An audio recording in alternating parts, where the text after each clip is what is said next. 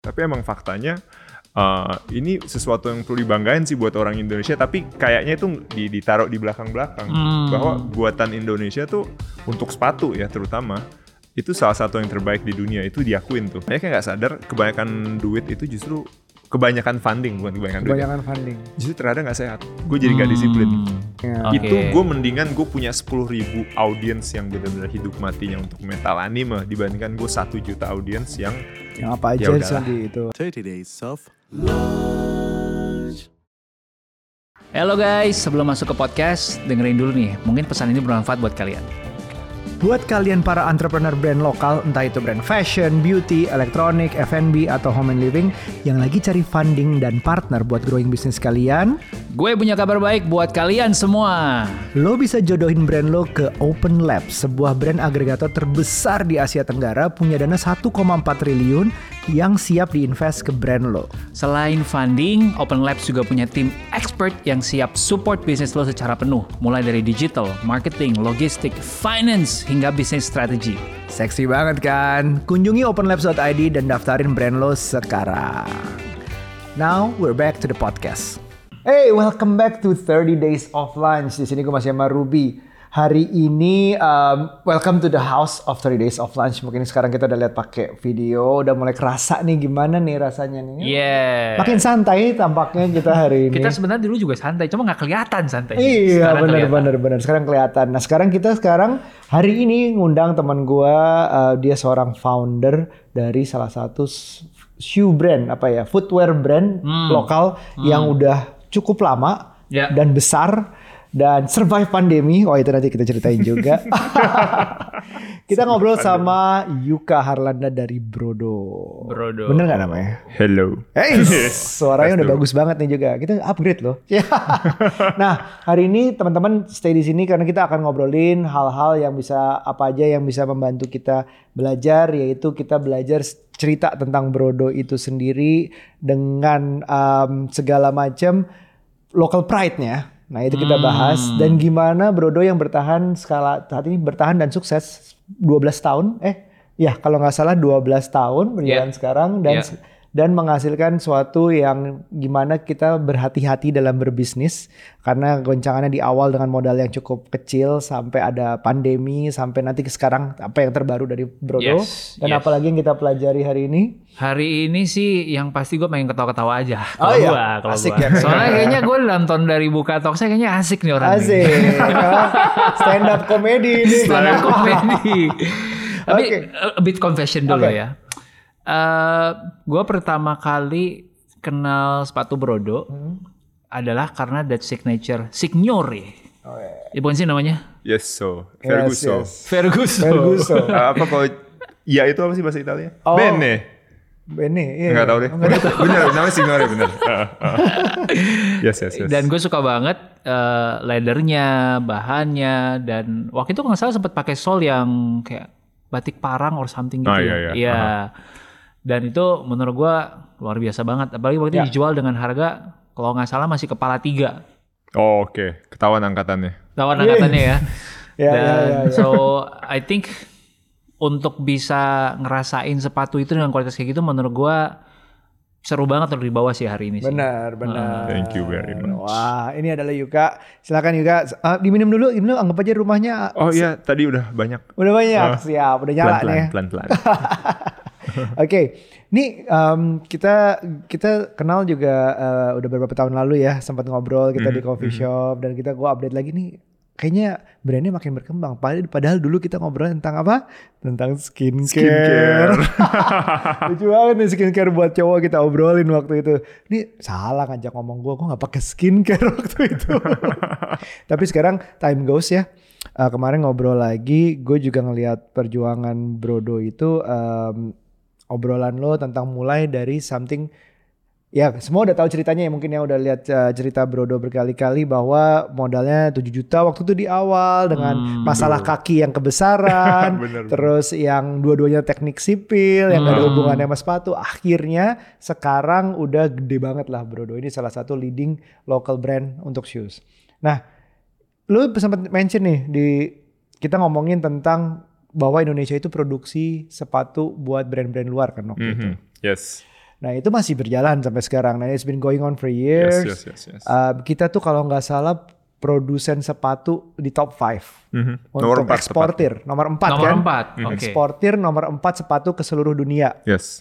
Nomor satu tuh Cina, India kalau nggak salah, ada Vietnam juga di atas Vietnam. kita. Tapi secara value kita mungkin sekitar top 10 Mhm. karena Value, yes. value harganya ya.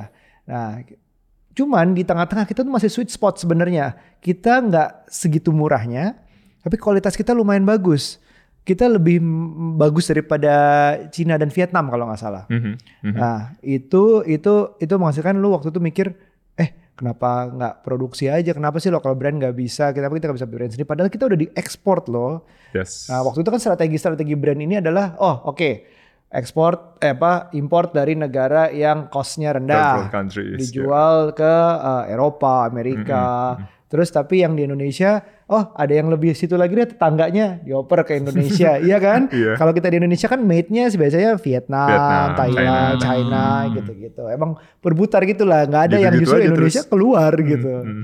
Lalu lu lihat kayak gini, dan itu been going on for years dan sekarang tuh masih jadi produksi. Mhm. Masih. Kenapa sih challenge-nya apa sih? Gue tuh kerja di kargo kan. Oke. Uh, pernah tahu bahwa ini klien-klien gue nih.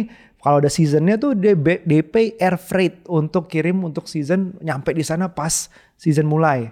Dan itu kan mahal air freight dibanding sea freight. Nah sekarang kenapa sih masih produksi dari negara kita kita bagus? Ki- Kita di mana? Kita posisinya di mana untuk bisa produksi sekelas mereka gitu?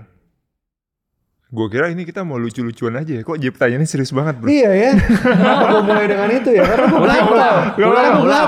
Ulang, ulang, ulang, ulang. Emang emang Ah. ini sih emang eh mungkin gua agak ke belakang sedikit Ah, ah. buat konteks teman-teman yang bingung nih siapa sih. Iya, iya, iya. suaranya berat. Wih, Iya. suara radio. Lebih ke kan eh, kalau mulai bisnis biasanya kan eh, ada yang bilang ikutin passion.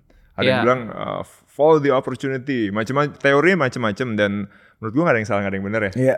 Dan kalau gue sebenarnya lebih ke prinsip uh, apakah gue passionate di bisnis sebenarnya nggak nggak juga.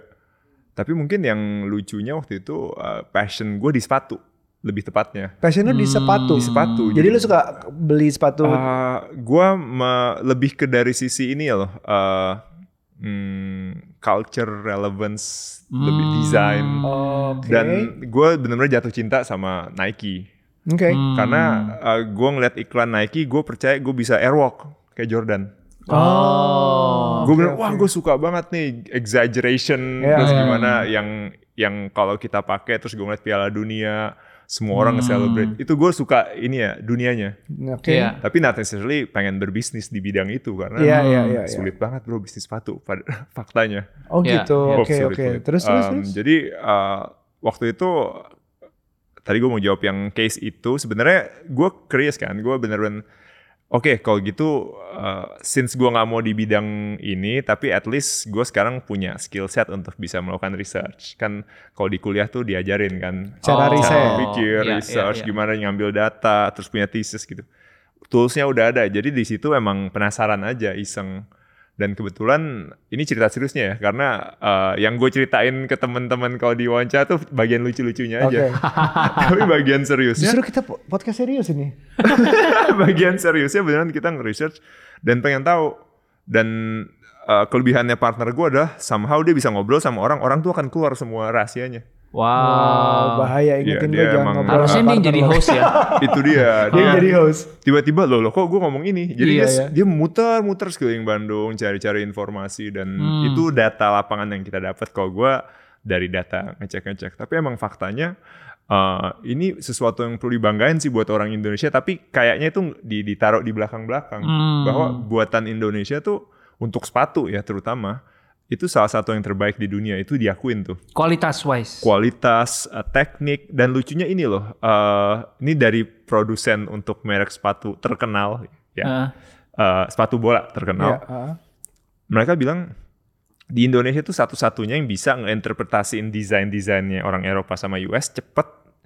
Dan kalau mereka bikin sampel tuh lebih bagus, lebih cepet, lebih detail dibandingkan China sama Vietnam. Yap. Hmm. Terus gue tanya kenapa nggak tahu orang Indonesia mungkin 3D uh, spasial knowledge-nya jauh lebih bagus nggak tahu. Hmm, Itu hmm. tamu Jago. kita sebelumnya. Hah? Tamu kita sebelumnya ngomongin bahwa dia tuh yang produksi embroider uh, Oh iya, dia produksi sablon. sablon Oh, iya. buat. Adidas, Nike se-Indonesia. Eh, Oh, ya? Adidas, Nike, Iya. Reebok atau Puma gitu. Iya, Ha, iya, Se-Indonesia jadi dia aja. Sedangkan saingannya dia adalah di luar. Hmm. Jadi ada se- sekian dari supply chain prosesnya untuk bikin Ah. sepatu dia pegang gitu. Iya. Wow. Indonesia. Aku baru tahu.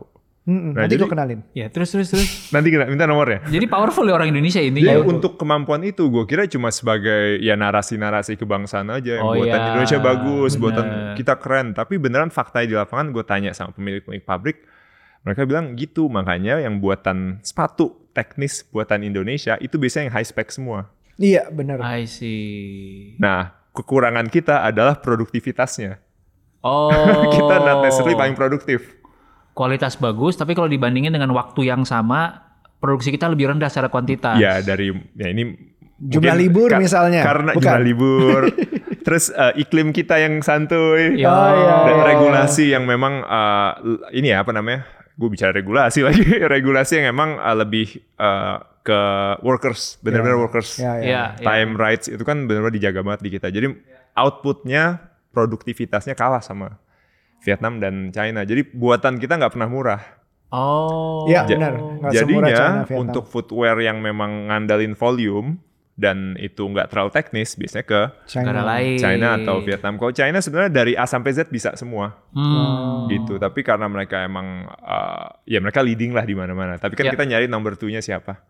Jadi kalau di uh, Vietnam mereka mungkin dari detail, dari apa segala macam nggak bagus, tapi sangat produktif. Hmm. Dan governmentnya untuk sepatu lucu banget. Untuk sepatu mereka sangat ini loh, sangat amat amat amat mengakomodasi. Hmm. Oh, gitu. Nah kalau kita memang given talentnya, ibarat main bola, dah, i- ini talentnya bagus tapi sebenarnya motivasi dan ininya tidak terlalu bagus. Oh bukan karena makanannya apa beda ya? Bisa jadi. jadi kita terkenal sebagai yang artisan. Oh, Gitu. oke. Artisan tuh dalam arti mungkin untuk bilang kayak lu kebanyakan sebat lu. Iya iya iya iya. Sehingga nggak produktif gitu ya. Iya jumlah libur segala macam ya. Jadi itu Oke. fakta. Iya, Jadi Oke. em, kalau sekarang sebenarnya menurut gue ya future-nya ngelihatnya, jadi lagi ada isu nih supply chain. Hmm. Em, kalau cek-cek di Google berita segala macam, all of the big brands itu emang lagi struggle. Hmm. isunya pasti eh, tadi supply chain issues karena ada impact covid, impact Perang. segala macam kan. Ya. Harga jadi mahal, terus eh, apa namanya ketersediaan jadi berkurang. Impactnya mereka nanti ngumumin, mereka udah pada ngumumin kita akan sedikit lebih rendah eh, dari projection, bla bla bla. Hmm. Nah ini yang tu, yang dulunya itu dibanggakan banget supply chain global, sekarang lagi dites dan terbukti supply chain global ternyata ada ininya loh, ada kelemahannya. Oh ini menarik nih. Jadi nanti ujung-ujungnya bahkan big brands tadi udah mengumumkan nanti strategi mereka adalah local serving local. Hmm. Dan kita sebagai brand lokal ya kita yang lebih bisa adapt paling cepat sama fakta itu. Lo- local serving local salah satu challenging buat negara yang labornya tinggi ya, costnya ya. Karena ternyata misalkan di Euro kan itu labor cost-nya udah tinggi kan. Ya. Jadi nggak Hmm. make sense untuk bikin di, di sana. Di sana. Ya, ya, Tapi impact dari kekurangan barang, impact dari harga naik, uh, less agile dan lain ujung-ujungnya nanti kembali sebenarnya harganya akan sama ya. di satu Hmm. momen. Iya iya iya. Hmm. Jadi Jadi rather than salah satu pandemi kemarin yang terjadi, sorry gue potong, itu em, traveling kan nggak ada orang. Hmm, hmm. Jadi airline itu ada beberapa yang mengkon em, perlu tetap kirim barang, eh, e-commerce masih jalan nih, Hmm. kirim-kirim barang masih jalan, tapi kapasitas berkurang karena orang traveling less. Jadi Oh. passenger aircraft itu di convert jadi freighter. Oh. Nah itu costnya lebih tinggi. Nanti jadi cost pengiriman itu juga jadi lebih tinggi sejak pandemi itu. Hmm. Nah pertanyaannya sesudah pandemi ini akan berbalik nggak gitu? Hmm. Itu silakan lanjut. Ya sebenarnya ya semua masih bertanya-tanya sih Iya, iya, iya. ujungnya. Cuman kalau yang karena kita bullish banget sama Indonesia, serving Indonesia, Iya. Ya. by Indonesia for Indonesia, jadi narasi itu uh, kita dukung dan kita want to Iya. see it happen. Jadi kita lihat nanti leading uh, basketball shoes harusnya nggak banyak keluar, harusnya di sini karena tadi kita untuk bikin yang yang high spec ada. Hmm. Terus sekarang uh, pabrik pun sudah open sama brand lokal karena ternyata Hmm. melihat brand lokal yang nyelamatin mereka ternyata loh. Waktu demand dari luar stok, brand lokal masih ada gitu. Hmm. Walaupun kecil ya. Ya. Tapi mereka ngeliat stabil kan pabrik tuh sebenarnya nggak butuh volume, mereka butuh kepastian aja. Hmm. Oh, butuh kepastian. Jadi ke sana Tidak butuh volume, volume apa? Iya, iya, iya. gitu. Jadi Oke. itu yang kita pelajarin ya. Back endnya bisnis sepatu ternyata eh, banyak banget, cukup rumit ya ada supply chain, ada raw materials gitu-gitu dan situ.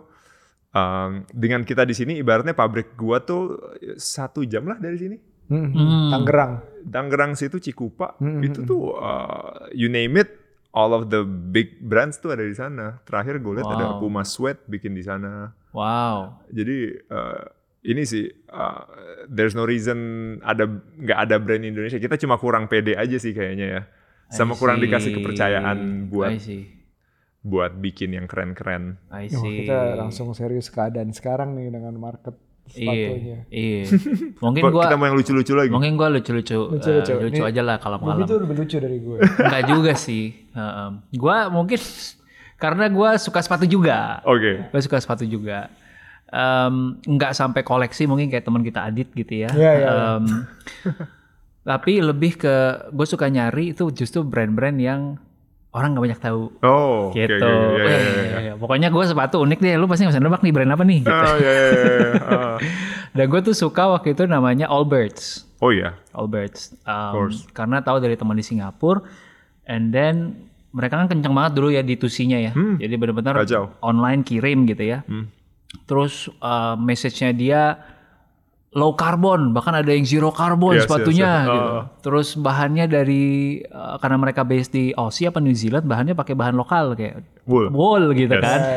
Masuk Instagram dia foto-fotonya tuh kayak foto-foto apa sih kalau domba-domba gitu. Domba-domba nyaman gitu kan. Ya beda banget sih uh, brand sepatu fotonya domba gitu kan. Oh, oh, oh. Terus pas dipakai ternyata emang nyaman banget. Nyaman parah. Hmm. Banget. Dan dengan harga dia yang sekitar 100 120 dolar kan oh, dibandingin sama Nike or Adidas nih comparable nih. Hmm. Yes, yes, yes. Ya, dan gue dapat uniqueness-nya. Ya.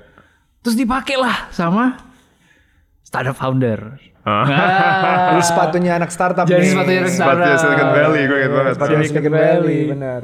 Nah, terus tadi kita bicara kan kayak Brodo tuh tuh gue juga suka. Karena one of the things gue juga ngerasa kayak ah gak banyak orang yang pakai nih. Hmm. Nah, Is that a bad thing or a good thing? Enggak, maksud gue jadi begini. maksud gue jadi gini kan, kan lucunya gitu kan. Jadi lucunya adalah ada orang yang membeli itu karena uniknya nih. Iya, oh, iya, nggak banyak orang pakai. Ah, Ada orang yang justru oh karena orang banyak pakai berarti bagus. Betul, different market ya. Gitu. Nah, gue personally ngelihat Brodo Grow sekarang, sekarang produk banyak banget. Hmm. Gue masih tetap jatuh cintanya sama yang the original Brodo. Hmm. Sehingga customer kayak gue udah nambah beli Allbirds, tapi belum nambah beli Brodo. Oh. Ya, ya, ya, ya. Itu yang kita bicarain tiap hari di internal sebenarnya. Oh ya? Oh ya, gimana tuh Ah. spill? Nomor satu yang desain eh Signore itu gua, jadi mungkin itu sih. Oh, Oke, oke. lo, lo tau sejarahnya itu sepatu?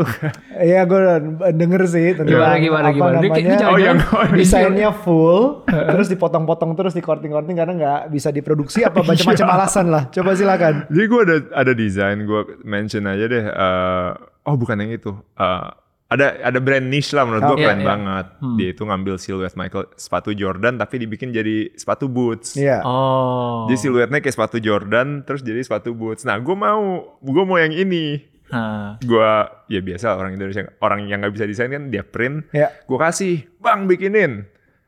Oke. eh, lastanya bikin lasta tuh apa? Lasta tuh yang ngebikin bentuk sepatu. Ah. oh. Kalau ada yang corongnya begini itu biasanya lastanya emang begitu. Nah ini lastanya bikin sendiri apa enggak? Aduh pakai yang udah pakai deh. Eh, pakai yang udah ada biar murah. Oke. Hmm. Soalnya kita nggak ada. Ada ya soal yang kayak gini. Kayak lucu pakai. Bikin-bikin kok jelek banget. Ini tolong dicopot dong jelek banget panelnya. Nah. Copot, copot, copot, copot. Tambah kur- Jadi kayak ngedesainnya tuh bener-bener dengan ngeliat aja dari Hmm, 3D. Terus eh, tiba-tiba udah tinggal sisa. tinggal sisa dua leather aja. Wih keren banget ini Desain dengan keterbatasan ya. dengan keterbatasan jadi akhirnya uh, dan sesuai sama yang kita inginkan juga karena iya. uh, kita juga suka hal yang timeless, simple. Iya, Dan iya. kalau sepatu kulit itu kan nggak perlu ngapa-ngapain biar kulitnya aja bicara sendiri. I see, Oh, benar. Jadi emang um, tiba-tiba kayak dapat dapat apa namanya golden ratio banget nih desain nih. Yes. Oke, nice. Oke, ini punya kita dan itu emang yang ngebawa kita jadi breakout tuh desain itu. Hmm. Sampai sekarang sebenarnya masih ada. Dan uh, cuman memang ini isu kita sebenarnya yang kita temuin, kita research. Benar orang beli tuh kalau kita tanya, lo beli broding mana ada kalau nggak uh, Signore Ventura namanya satu lagi. Iya, iya. Uh, ya gue punya ini, gue suka banget. Udah beli lagi belum? Belum. Kenapa? Yang ini masih bagus. Wah, jadi serba salah ya Jadi- mau bikin. iya, jadi kita mau bikin sepatu yang kualitasnya bagus banget nih. Terakhir ada yang 10 tahun. Itu tuh yang rekor paling lama pernah gue. Wow. Uh, ada yang 8 tahun, 7 tahun, 6 tahun, semua tuh bangga banget karena Hmm. emang kalau sepatu kulit kalau dipakai semakin lama semakin oke. Yes, Iya. yes. Isunya memang di sol, tapi mereka kreatif ganti solnya, ganti Iya, apa. Jadi iya. kayak Warna orang-orang yang kita gitu-gitu. approach pertama kali early adapter kita orang-orang yang tipenya kayak gitu tuh. Iya, iya, iya. Yang emang kayak ini nih tau gak ini gue jatuh nih kan Iya. gue ketemu orang wah bro itu brodo ya gue aku aja gue kerja di brodo Iya. terus ini kenapa gini ini waktu gue jatuh naik motor ya gini gini gini. Terus jadi bagus banget. Ya gue pakai terus nih sepatu kesayangan gue Wah. yang gue suka gini ya gue sih brand-brand baru eh, beli terus ya. Yang keren yang apa. Terus dia juga cerita gue juga ngobrol panjang. Eh, ya dibilang ya gue udah agak eh, tua jadi gue perlu yang bisa mengakomodir gue jalan jauh bla bla bla segala macam. Cuman gue selalu tahu andalan gue kalau gue pengen ibaratnya reminiscing eh, apa-apa. Ini andalan gue udah selalu sih sepatu ini nih. Hmm. sepatu yang lain tuh boleh ganti-ganti tapi kalau mau andalan nih gue sama yang ini. Terus gue terus gue cium tangannya. Udah gitu. Jadi Tapi Terus tuh balik ke balik ke office, ini masalah. ini masalah ini orang nggak beli beli gimana sih? Ya akhirnya cara kita ekspansi memang uh, selalu kan kalau brand itu uh, kalau untuk consumer brand ya uh, teori kita tuh setiap 10 tahun tuh mereka harus evolve. Oke. Hmm. jadi gini uh, Nike pun the great Nike pun sempat pusing dan kehilangan identitas karena uh, itu waktunya mereka evolve yang tadinya mereka niche brand sepatu lari sekarang jadi king Semua. jadi Oh. semuanya jadi kita kan memang yang bikin kita breakout emang kita fokus banget ke Leather. cowok leather Indonesia. muda baru lulus kuliah umur-umur segitu Hmm. kita ngobrol ke mereka itu terus-terusan Ya. dan di 2 3 4 5 tahun pertama kita tuh ngobrol selayaknya temen sama mereka Hmm. deket banget sama the first cohort ini nih Ya. masalahnya ada cohort baru yang datang Hmm. nah itu ko- yang kita bilang itu cohort 2000 cohort tuh kayak kelas Ya, ya. Ya. yang 2016 17 18 itu kita neglect Hmm. Jadi kita fokusnya ke ini terus-terusan.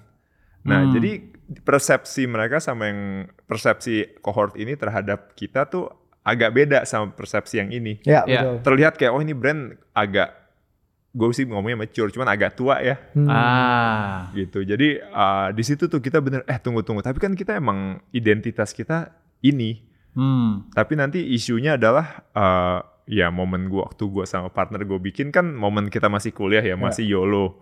Sekarang kita semua udah jadi bapak-bapak, udah jadi punya anak Penuh dan perhitungan, resiko. perception kita tuh udah beda. Yang kita Iya. obrolin tuh udah anak, udah apa Iya. dan Iya. uh, yang dulu kita ngejar banget harta kan sekarang Iya.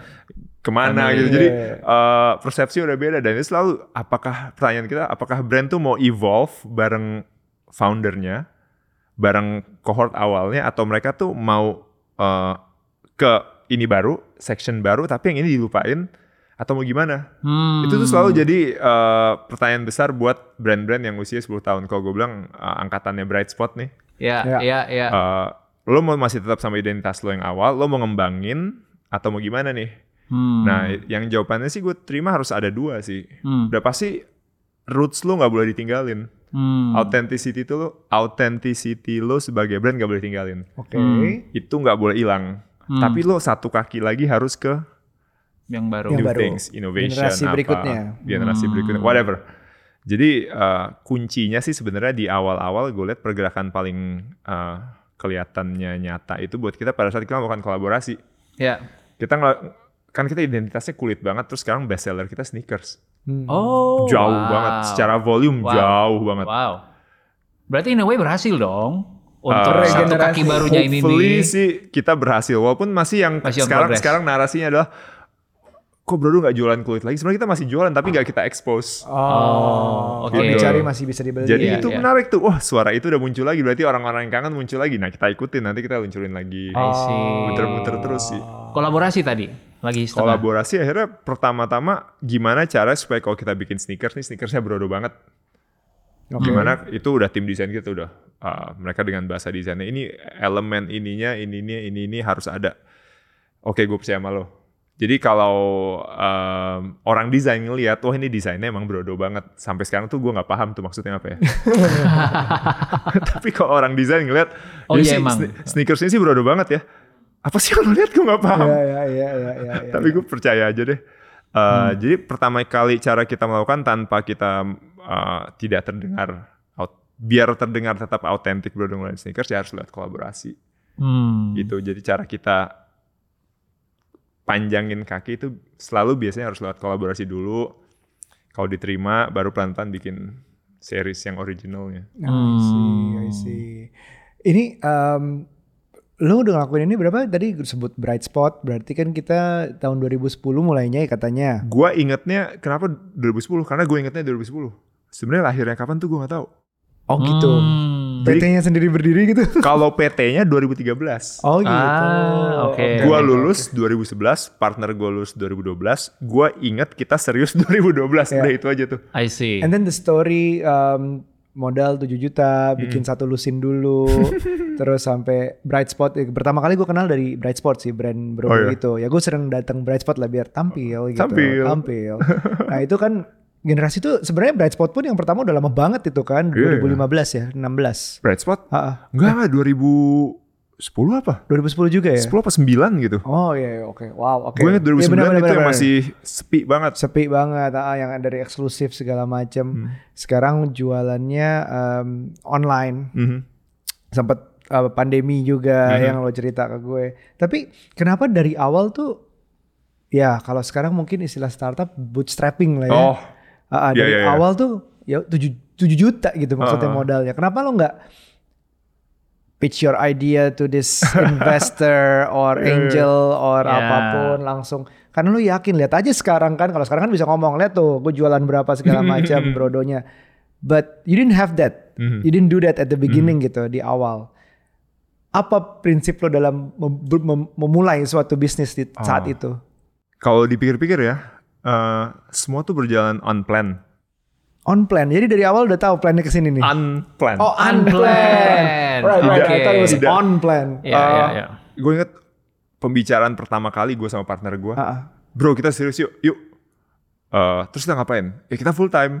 oke Terus eh, Tuh lulus kuliah belum ada kerjaan ya beneran gue udah lulus duluan. Iya, Ya. Itu pertama kali gue ngambil duit dari bro. Sebelumnya diputar-putar aja terus. Kan waktu kita kuliah masih ada passive income oke Hmm. dari orang tua. Orang tua. Ya, ya, ya, ya. investor eh, sebenarnya passive income kirain apa ya punya investment enggak. Jadi eh, ngobrol ke bokap, eh, ya mau bisnis sih abis ini bisnis apaan? Sam- waktu itu pun bokap gue juga belum tahu gue tuh bisnisnya serius. oke Hmm. Taunya Yuka buka booth, jualan, lucu, Ya. gitu aja. Hmm, hmm. Terus uh, gue bilang gue mau ngerjain ini, mau pursue entrepreneurship, nggak boleh. Ya udah, oke, ya udah mau apply kerja. Oh. Gue bilangnya gitu, nggak gue apply apply. oke Ya terus akhirnya uh, udah 3-6 bulan gue yakin nih Brodo udah bisa mulai ngasilin duit. Dan gue hitung-hitung gue udah bisa ngambil duit nih, at least UMR lah. Yang penting tujuannya gue jangan mati, udah gitu aja. oke Uh, dan istri gue, pacar gue pada saat itu emang karirnya bagus. Jadi gue sedikit dibiayain sama dia. Passive income nomor dua. Passive passive income income nomor dua. Weekend gue inget, weekend nonton makan selalu sama dia karena gajinya lumayan. oh itu waktu pacaran ya oke pacaran. oke oke oke Jadi support system tuh penting. nanti kita jadi headline gitu aja ya founder Brodo Bucin. Em, di situ eh, bokap bilang oke kalau eh, pada akhirnya ketahuan nggak apply apply ya udah passive income itu dipotong. oke Dan ya udah kalau mau itu ya udah anak cowok kerja sendiri urusin sendiri segala macam ya udah sekarang hidup sendiri. Ya. Oke, gue ambil. Dan gue janji sama partner gue, tak ini kan kita masih umur gue lupa 20 apa 22 Iya. apa 2 berapa gitu baru lulus. Eh, kita kasih setahun aja nih. Kalau ini kita yakin ngasilin, kita lanjutin. Hmm. Kalau ternyata nggak ke mana-mana, kita masih muda. Iya. Jadi kita bisa apply apply. Apply, apply, ya, iya, iya, aman. iya. Maksudnya Satu IPK gue ya juga nggak jelek-jelek amat lah. Jadi Hmm. Masih laku lah. Ya. Jangan tap- jangan nanti kita cari kerja dulu sambil-sambil. Ya. Terus baru begitu bla bla bla kan ada teori yang kayak gitu Oke. ya. Gak ada yang salah gak ada yang bener sih. Cuman Ya, jadi komitmen full time aja. yang lo ambil yang ya penting komitmen full time di situ. Nah mungkin ujian kita tuh beda ya. Ujian kita tuh malah sukses terlalu cepat waktu itu. Wih. Wih. Jadi isu kita adalah gimana supaya produksi kita bisa ngimbangin demand kita. Oh Wih. ya paham paham. Good Good, problem. problem. Good problem banget dan itu 5-6 tahun. Jadi masalah modal tuh nggak pernah ada waktu itu ya. Nah makanya kalau ditanya eh, modal awalnya beneran literally 7 juta tuh diputer puter puter puter puter puter puter terus terusan. Wow. Dan eh, terdengar magic tapi memang pada saat kita ya retail itu kan sebenarnya eh, velocity ya. Kalau muternya cepat itu cash flow-nya tuh bagus sebenarnya. Dan selama lo nggak fancy ya, Karena duit duluan juga terimanya kan. Nah itu di mana uh, mungkin waktu itu dealnya kita agak-agak bagus, jadi gue minta bayarnya mundur. Hmm. Tetap DP, DP, terus bayarnya mundur dikasih 15-30 hari. Tapi dalam waktu pada saat sebelum gue harus bayar, itu barang udah kejual semua. Oh, cash flow aman. Jadi muternya bagus Iya. dan uh, itu bener-bener blessing banget. Jadi awal-awal kita nggak nggak nyari, nggak nggak terlintas tuh butuh modal. Yang gue tahu, gue bisa minjem temen-temen gue yang tajir.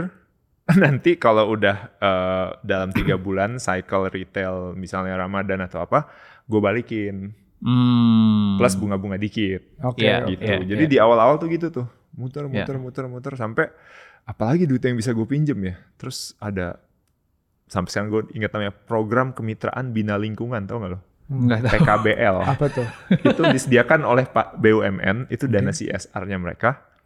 Eh, limitnya tuh 50 sampai 100 juta kalau nggak salah. Hmm. Itu apa? Bunganya tuh rendah banget. Ini sebelum kur ya, sebelum zaman kur. Oh, oke oke oke. Apply-nya gimana? Ap- Ya datang aja. Oh gitu. Apply mau ngambil PKBL. Oh gitu. Terus Oh. terus. Eh, nggak, waktu itu nih nih lo ini agak jauh ceritanya. Jadi di, di acara Bright Spot ada eh, orang dari Bank Mandiri Hmm. nyoba-nyoba terus beli banyak.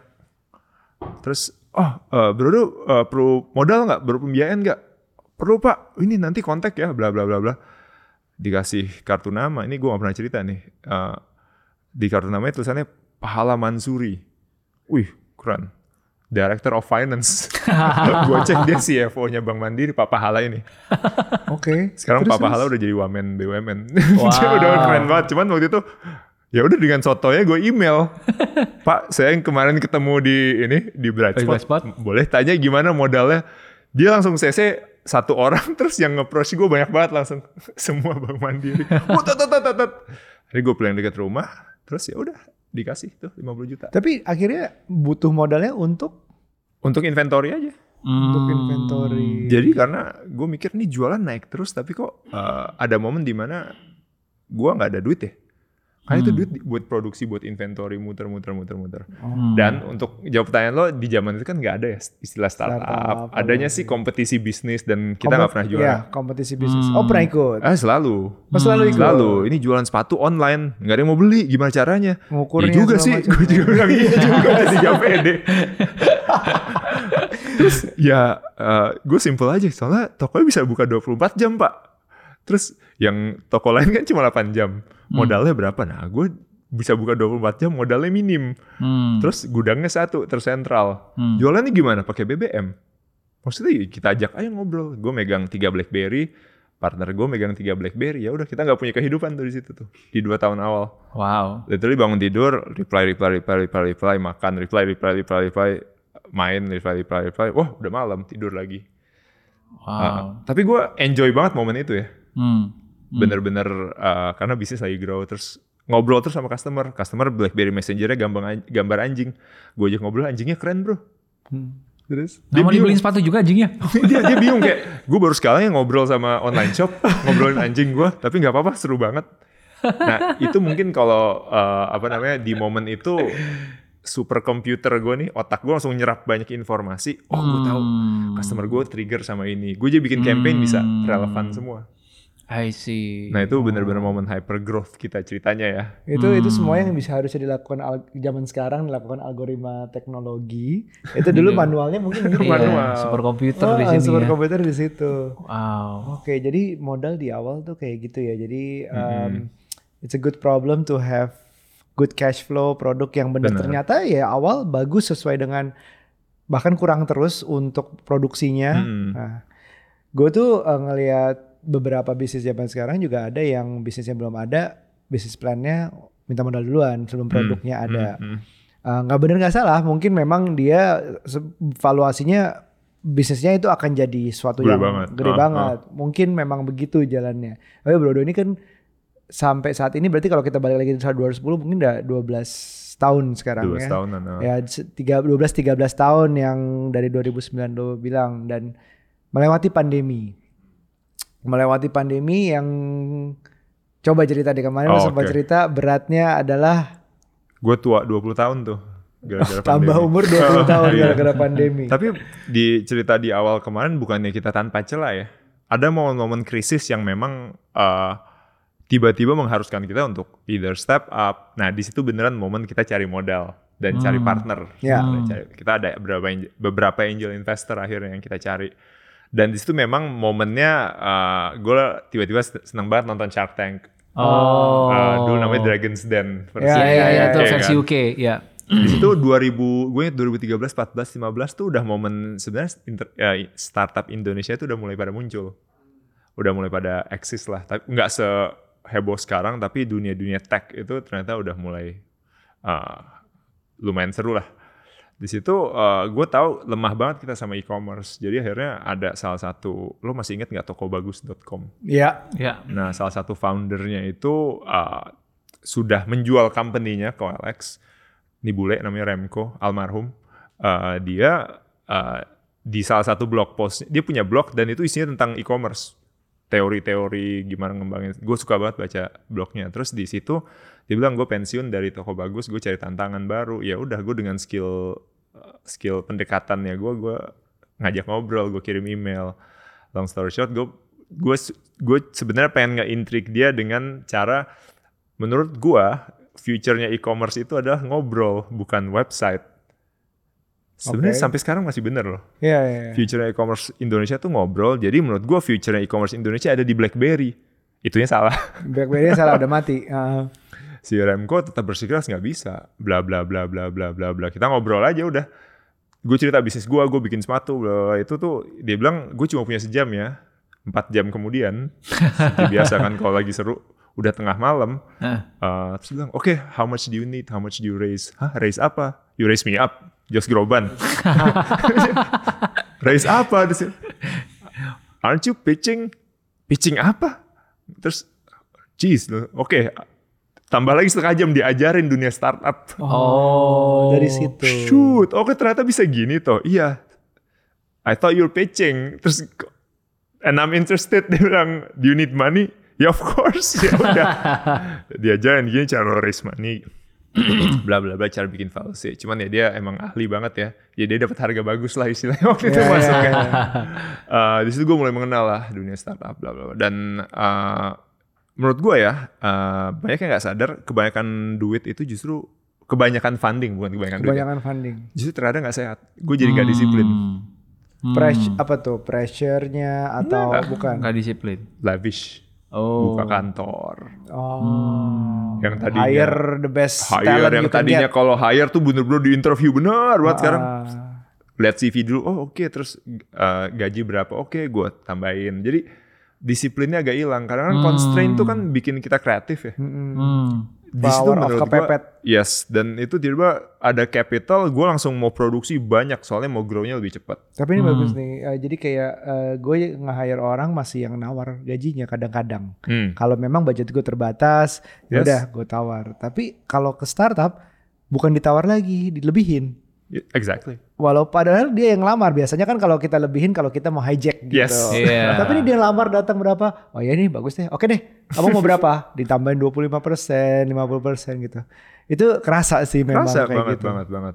Ya itu yang eh, akhirnya justru ya em, mungkin gue boleh jujur dapat pada saat dapat funding itu waktu itu justru malah hampir bikin kita hampir kejengklang hampir Hmm, jatuh hmm. karena tadi tiba-tiba disiplin nggak ada asal bikin produk aja. Karena kita mau grow yang tadi kita grownya konsisten sehat Mm-mm. dengan profit kita mau grow gini sekarang. Iya, iya, iya. Hmm. tiba-tiba ya ini kan nggak kayak software ya. Kalau software kan code-nya di expand bla bla bla selesai. Sekali bikin jadi. Kalau sepatu kan barang fisik ya. Nge-scale production tuh nggak semudah itu. Tapi gue maunya instan. Jadi akhirnya apa? Gue cari vendor yang ah, ini ya yang apa namanya yang ngasal Hmm. pas baru jadi quality-nya nggak bagus Yes. terus kayak banyak sebenarnya banyak duit-duit hilang-hilang gitu loh dia nggak Hmm. disiplin kayak Hmm. kulit ini nggak kepake ya udah biarin tiba-tiba eh, keuangan kita jadi jelek nah di situ eh, momen kayak wah ini bahaya juga nih kayak gini nih jadi akhirnya untuk kembaliin ke situasi normalnya pun butuh waktu tuh butuh effort butuh waktu kita jadi distracted banget I see. Nah jadi sebenarnya lucunya orang kan startnya tuh susah, susah, susah nanti begitu lewat modal bagus. Nah kita justru bagus dulu di tengah-tengah tuh ada gejolak-gejolak dikit. Oh. Hmm. Nah akhirnya em, kalau mempersingkat ceritanya eh, kita kita muter-muter terus dapat seed funding dari ada namanya 500 startups dia itu investornya banyak ya kalau nggak salah. Kalau di dia. startup di SF bukan sih? Iya, ah, tapi punya basis di Singapura. Ya, Oh, eh, part of ininya Y mereka. Combinator bukan? Ah, bukan, Bu- mereka justru musuhan. Oh gitu. Hmm. 500 tuh portofolio bukan apa Grab, Ya, ya. ah, Kredivo, banyak sih, banyak Ya, di ya. sini.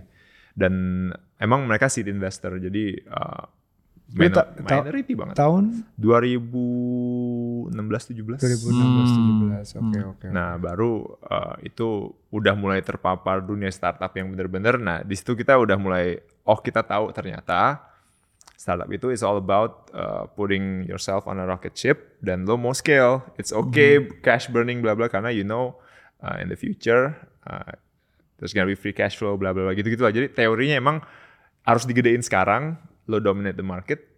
Nanti Kill the gitu. competition, segala Ah, macam. banyak lah teori-teorinya, terutama untuk bisnis yang emang udah istilahnya kan udah ketemu product market fit ya Ya. ya. itu ya emang isunya lah scaling gitu. Jadi eh, di situ kita belajar oh ternyata bisa ada ada dunia loh yang ternyata gue kira konvensional gue bu- bakal butuh 50 tahun untuk bikin brand ini ternyata bisa di skip skip nih dengan dengan booster booster ini Hmm. gitu. Jadi eh, ada bagus dan nggak bagusnya sebenarnya. Tapi kalau gue ngeliat selalu bagusnya adalah di situ gue belajar literally banyak banget loh dunia dunia legal, dunia structuring, terus habis itu cap table lah apa apa segala macam. Di situ gue dapat kuliah yang oke banget sih dan dapat ngobrol sama teman-teman di di community uh, 500 startups dan para startup entrepreneur yang lain. Mereka ngomongnya 10x next year. Maksudnya dari sisi ambisi itu tinggi-tinggi semua. Hmm. Tapi emang ada yang fake, ada yang memang real. Ya, oke. Yang kayaknya di matanya udah ini ini emang udah yakin banget jadi dan itu uh, ya jadilah jadilah unicorn unicorn yang beneran sekarang nih. Hmm. Tapi uh, ya long story short, kita tuh jadi akhirnya lucu sih berawal dari bootstrapping, tiba-tiba uh, sekarang kita udah di tengah-tengah nih. Uh, kenapa di tengah-tengah? Karena biasanya kalau di startup yang ibaratnya di tech, uh, kebanyakan foundernya itu udah nggak control. Dari sisi uh, equity ya, Ya. kecil banget. Um, kita memang karena kita race-nya juga kecil-kecil, Hmm. jadi gua sama partner emang masih gede banget. Porsinya masih gede banget. Hmm. Tapi not necessarily ini 100% punya kita. Ya, ya. Jadi nanggung kita sebenarnya startup banget enggak, yang valuasi gede banget juga enggak enggak banget. Hmm. Eh, tapi kita juga masih dominan di di company. Jadi ternyata ada juga yang hybrid kayak kita.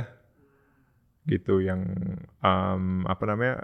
Kita grow cepet tapi not necessarily grow at all cost. Growth at all cost.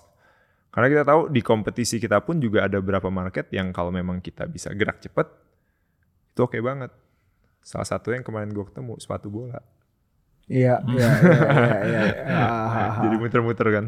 Tapi ngomongin pandemi eh, itu ini ya em, mungkin nge-summary dikit. Itu beneran dites nih kayak eh, why-nya kita tuh beneran dites banget dan beneran humanity kita dites. Humanity dalam arti apa yang jadi paling penting buat lo tuh di momen itu. Kar- karena untuk uh, gue share aja bisnis kita tuh di Maret April Mei 2020 tuh hilang 60%. Wow. Demand Awal ilang. pandemi ya. Uh, Maret April Mei. Terus kan uh, ya orang gak ada yang kerja ya. Gak ada yang beli sepatu kulit juga. Iya. Uh, dan orang gak mikirin sepatu kulit, orang mikirnya obat dan kesehatan. Iya. iya. Hampir semua teman-teman juga hilang 70%, 60%. Iya. Kalau F&B itu bisa 90%. Iya. Jadi kita yang level 2-nya lah. Dan itu uh, gue ngeliat ada yang ngetreatnya itu bener-bener ya straightforward. Oke, okay, demand kurang, kita harus lay off. Kita harus uh, pabrik-pabrik nggak dibayar dulu. Dan ya gimana dong krisis?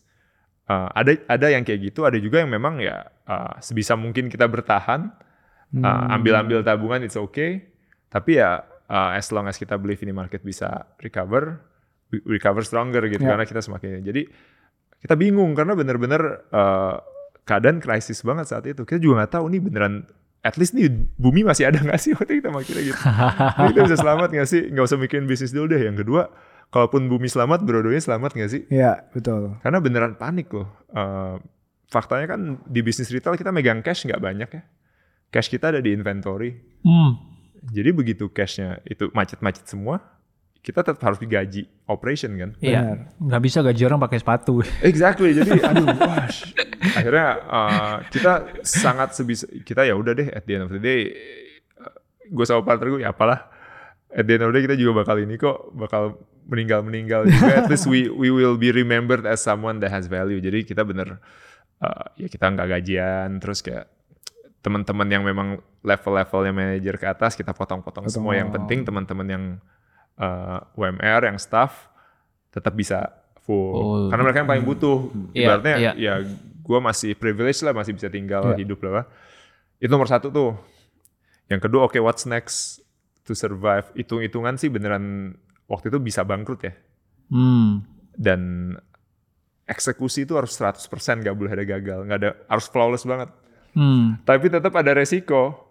Dan gue orangnya pragmatis banget benar literally nggak nggak yang nggak yang push push banget jadi akhirnya oke okay deh kita fundraising lagi akhirnya kita oh tapi ada perubahan strategi ya online-nya lebih oh, iya, jelas, jelas. lebih kencang di beberapa marketplace ya benar jadi yang tadinya 50% itu offline kita punya 8 toko sekarang tinggal dua tinggal dua toko dua dan penjualan semua online yes penjualan shift ke online yang tadinya marketplace itu cuma 5% sekarang bisa 50 60% Hmm. Di situ tuh sebenarnya ada ada opportunity tiba-tiba ke kebuka lah opportunity yeah. di marketplace ah. karena mereka jor-joran banget tuh hmm. dan orang yang nggak pernah belanja di marketplace tiba-tiba terpapar buat belanja di marketplace. Hmm.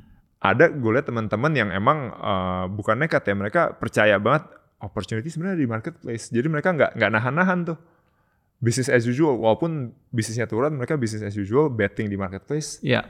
Sekarang jadi gede-gede banget. Yeah. Nah kita tuh agak telat tuh adopt ke marketplace itu karena masih takut takut, yeah. takut yeah, yeah, pragmatis. Yeah, yeah. Jadi akhirnya uh, begitu kita dapat another cash injection, begitu udah mulai pede lagi, oke okay, kita maju. Marketplace. Dan itu reboundnya jadi cepet abis itu. Hmm. Kita belajar dari perusahaan yang uh, cukup ya ada umurnya ya 12 mm -hmm. tahun udah uh, coba percobaannya tuh lumayan banyak. Uh, good problem tadi di awal, terus akhirnya yang uh, akhirnya raise fund, terus juga kena pandemi, raise fund lagi. Iya, iya. ya dan dan sekarang tuh um, ke depannya kayak mengal, uh, mengarah ke kalau nggak salah tujuh tahun pertama tuh nggak bikin uh, other than leather ya. Mm -hmm. Terus lanjut sekarang ada sneakers atau casual lebih ke ada sepatu tenis sekarang. Mm -hmm. Tadi nyebut juga futsal berikutnya mungkin. Mm -hmm. uh, emang udah grow-nya segitu atas udah dinaik turunnya itulah. Jadi kita bisa belajar banyak hari ini dari perjalanannya. Kita mau um, ke local pride uh, atau Ruby ada bebas sih mau ke mana? Yeah. mau dibawa ke mana ini dibawa perjalanannya? Gua, gua mungkin um, tertarik sama Yuka tuh angle yang ininya sih. Uh, mumpung ini lagi ngomongin soal bisnis ya um, ada satu hal yang gua suka banget waktu ngelihat sosial medianya Yuka. Waktu dia bilang, waduh ini anak-anak zaman sekarang nih kalau bikin bisnis nih jauh lebih enak dari zaman gue dulu gitu. If only I can restart dan bikin ulang kalau nggak salah waktu itu tulisnya gitu ya. Uh. Mengulang bikin bisnis gue akan ngelakuin dengan cara yang berbeda. Oh iya. Ya. iya, iya. Nah, itu menurut gue one thing yang menarik banget sih kalau lu bisa share itu juga. Oke, Mungkin lu oke. bisa bagiin lebih dalam lagi di sini gitu. Karena banyak dari kita juga nggak nyadar gitu kan. Gua soalnya ngalamin masa buka bisnis sebelum ada Instagram. Exactly like you said. Punya akun BlackBerry, ya udah itu buat jualan gitu kan, tuker-tukeran pin gitu kan. Di situlah cara kita broadcast message Bener lah bener. gitu kan. Broadcast message astaga. Ya kan? Ping. Sekarang kan broadcastnya ya di Instagram gitu kan. So I think it's important to see bagaimana 5-6 tahun aja waktu itu udah change the game banget gitu. Ya, and how you going to restart lagi kalau lu Sekarang nih Iya. mulai bisnis Oh, baru nih. Yes, yes. Kalau Ya, bro udah di 2022. Oh. Gue hampir lupa tadi gue ngomong apa karena social media gue 90% shit posting, I agree. Itu dong yang gue inget. 5% Arsenal. 5 persennya serius. Gue ini sih lagi emang lagi waktu itu lagi lagi libur dan Iya. eh, iseng mikir nih kalau gue start lagi gue kayak gimana ya startnya. Mm, Jelas playbook yang gue lakuin kemarin nggak bisa. Hmm. Banyak kayak kalau ngobrol sama siswa apa sih kunci suksesnya? Waduh, gue juga nggak tahu sebenarnya apa ya. Pertanyaannya klasik ya. Terus gimana kalau gue mau bikin brand, gimana caranya? Aduh, caranya gue tuh cara yang berlaku di momen itu, nggak bisa Hmm, di. Iya, bener banget. Exactly. Bener. Yes. Gue ngehack kaskus, gue ngehack in, pokoknya beneran cara-cara Iya. yang waktu itu cuma bisa berlaku di situ. Ya, Iya, lu mau beli iya. BlackBerry sekarang di mana Nah gitu iya, jadi nggak bisa. Tapi gue jadi interested. Oke, uh, gimana ya? Um, yang pertama memang uh, perubahannya adalah tadi consumer semakin banyak spending waktu di uh, handphone. handphone. Iya. ha. Mm-mm, dan ternyata yang tadinya ada profesi yang namanya influencer, content creator, sekarang yang belum sebelumnya nggak ada, sekarang malah menjadi sebuah profesi yang menurut gua one of the future profession yang menjanjikan. Uh, dan di situ gue mikir apa sih kalau kalau ujung-ujung ini konteksnya bikin consumer business ya, Iya. gue Iya. kasih garis bawah dulu, Iya, bukan iya. bikin Baik, service atau apa. Ah, service juga bisa sih, tapi intinya kita mau bikin consumer business Ya. apa sih yang paling penting sebenarnya yang yang benar-benar core dari consumer business sebenarnya kan uh, menurut gue itu adalah asetnya itu adalah bahasa gue community yang lo punya Oh, Hmm. bukan customer tapi community ya. Hmm. jadi how you build community how you engage how engage are they with us Hmm. terus seberapa mereka itu suka kita segala macam bla bla bla. itu yang akan bikin bisnis sustainable Hmm. ujung-ujungnya suatu hari Ya. Terbukti ya sekarang sama Web3 it's all about community. Bahkan community menjadi owner. Nah itu Ya. panjang tapi yang dari yang gue bikin oke gimana caranya supaya bisnis kita bisa sustainable dengan cara yang cepat. Jadi gue mikirnya better dibandingkan gue mikir produk dulu, Hmm. gue mikir build community dulu I see. Kok Hmm. dengan cara whatever your interest. Sekarang karena dengan social media semakin niche lo, semakin global lo. Ini uh, teorinya gue ya. Ya. Semakin niche, semakin global. Semakin besar kemungkinan untuk global. Nih gue sekarang lagi gue mikir apa ya?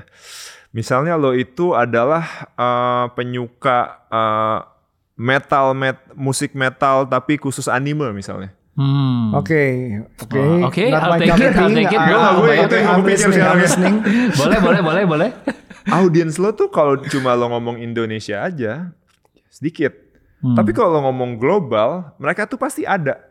Ya. lo bikin YouTube konsisten aja tentang lo tuh passionate tentang space yang nama metal anime nanti orang-orang tuh pada muncul sendiri-sendiri with the power of social media Iya, search algorithm dan apa itu iya. kan ke build tapi butuh waktu Ya. butuh waktu banget dan kalau lo memang milih space yang uh, growing banget akan lebih cepat lagi community di grow cuman gua akan kalau bikin bisnis baru gua akan fokus building community gue dulu Hmm. di situ baru gua akan bikin produk dari community-nya itu That's interesting. Hmm, jadi dari metal anime ini yang udah kekumpul, let's say 10,000 audience di Instagram lo, lo bisa kasih mereka apa? lo gitu? bisa Tinggal monetize produknya. Oke. itu gue mendingan gue punya 10.000 ribu audiens yang benar-benar hidup matinya untuk metal anime dibandingkan gue satu juta audiens yang Yang apa Ya aja udahlah. di itu. Ah. Tapi gini, challenge gue challenge ya ide itu kan attention span atau kesabaran pun Ah. makin pendek kan. Ah. Nah tadi salah satunya adalah sabar, tapi sabar bikinnya. Nah untuk yang dengerin sekarang, gimana kita konsisten sabar bikin sesuatu memupuk an- apa community itu Hmm. gitu. Um, that's why ini masih teori. Good answer. make sense. Good answer. Um, nggak tahu ya. Um, terkadang memang ini kemarin gue nemu uh, apa ya?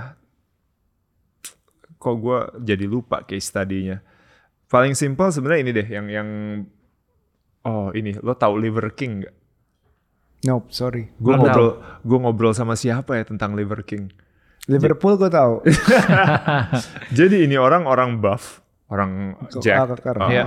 orang Republikan pasti tinggal di Texas. Dia itu uh, Liver King, dia suka makan ati, ati tapi raw. Dia tuh carnivore diet, lawannya vegan diet. Oh, liver, Hmm. liver as in, oke. Liver King. Iya, gue pikir daerah atau nama, oke. Dia udah cuma dia menjalani gaya hidup hardcore carnivore-nya dia aja. Hmm. Hmm. Dan dia ngedevelop audience sekarang. Buffnya buff banget ya. Lihat followersnya berapa di Instagram? Ah, gua- Hmm. Coba cek deh. Banyak deh setahu gue. banyak YouTube-nya juga soalnya. Banyak YouTube-nya juga. Ah, ah, ah. Followersnya satu setengah juta. Satu setengah juta. Ngaco. Jeez. Dia punya bisnis. Kalau nggak salah dia jual suplemen atau jual apa gitu. Oh, iya, iya, iya, iya. Tahu bisnisnya making money berapa tau nggak? Berapa? 100 million USD. Wow. This year. Wow, from that alone, From, that, line of business. whatever itu. Ah, ah. Iya. Dia berawal dari dia punya gaya hidup, terus dia konsisten aja bikin konten, bikin Iya, apa. iya, iya. Jadi- Nah, bedanya dia punya cult audience sekarang. I see. Jadi dia apa makan makan Dia dia aja? gaya hidup carnivore dan uh, manusia purba aja. Oh iya iya iya ngerti, ngerti, Jadi- ngerti. apa nama dietnya dulu juga ada Liver tuh. King. Apa? Makanya pun nggak ini lucu aja nih kayak dia juga nothing against uh, vegan dan apa ini Iya, dia iya. kayak ngegodain vegan gitu loh Iya iya iya. dia dia dia dia berarti niche marketnya dia bangun sendiri. niche market dia nge-build audience dan juga orangnya kan ada ada hardcore ya dan itu global audience-nya nggak cuma di US aja nggak somehow kenapa tiba gue terpapar sama itu terus gue Kira-kira how long did it took him? gue belum research ya tentang Iya, dia ya iya, tapi ah, kayak menarik sih tahu buat gue research nanti gue Ya, cuma 279 post loh Instagramnya jadi kayaknya Wow. nggak nggak lama-lama. kayak di. YouTube Atau dia, paling rame Dia itu paling Di YouTube rame. ya. ini contoh dia build community terus dia monetize community-nya Tapi sebenarnya konsep ini kan udah banyak di replicate kalau di dunia kreator itu ada istilah kayak uh, your your 1000 true fans. Ya ya ya Ya kan? Uh-uh, Jadi uh-uh. ada orang yang bilang em, kalau tadi lo produk atau consumer brand ini kalau lo tuh jualannya konten atau sesuatu yang sifatnya digital gitu. Iya. Dia bilang eh, lo sebenarnya nggak butuh banyak orang untuk bisa hidup dari menjadi kreator. Lo cuma butuh seribu.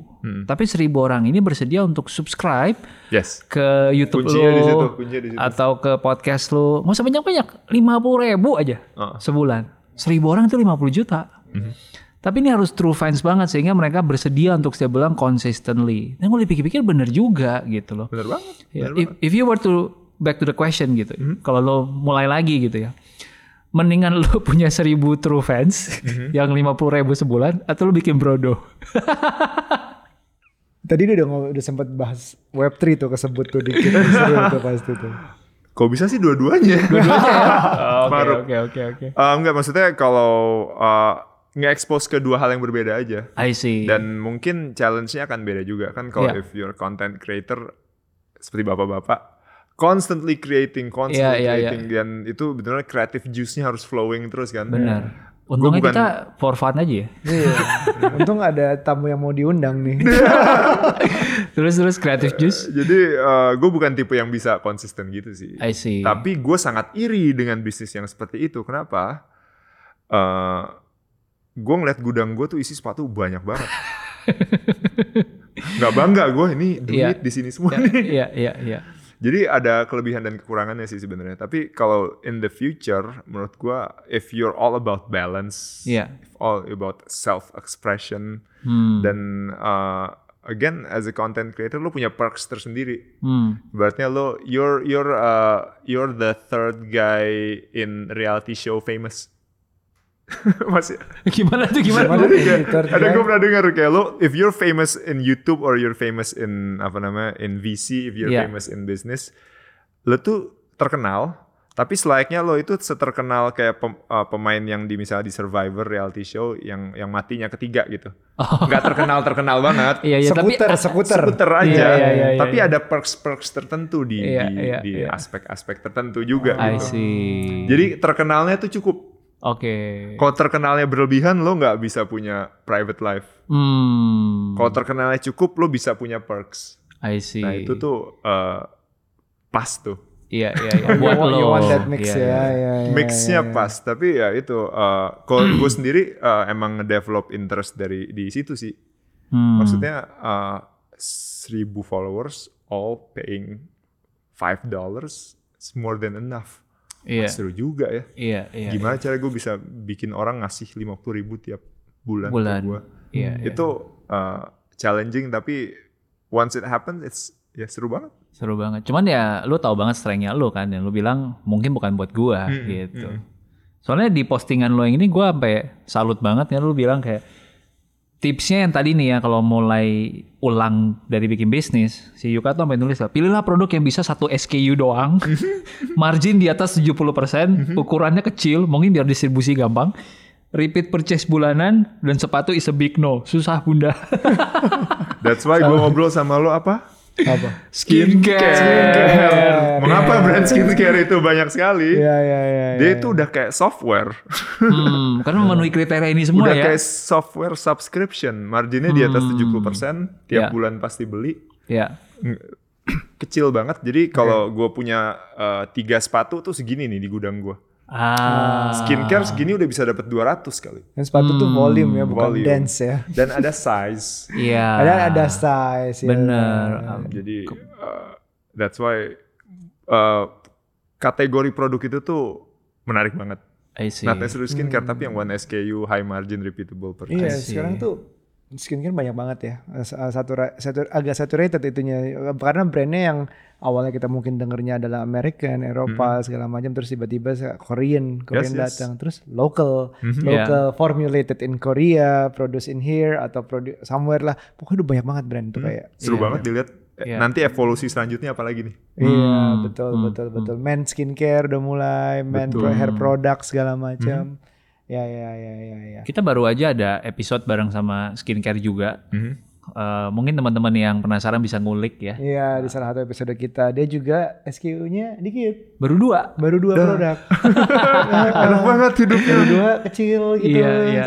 Bisa nggak ada ukuran Nggak ada Iya, ukuran. iya, iya. Terus dibeli tiap bulan. Dibeli tiap bulan. Lo udah bertahun-tahun gak beli-beli kan? Iya. Itu dia. Makanya gue bilang, Iya. kalau sepatu tuh harus love affair sih. Iya, boleh. iya, iya. Oke.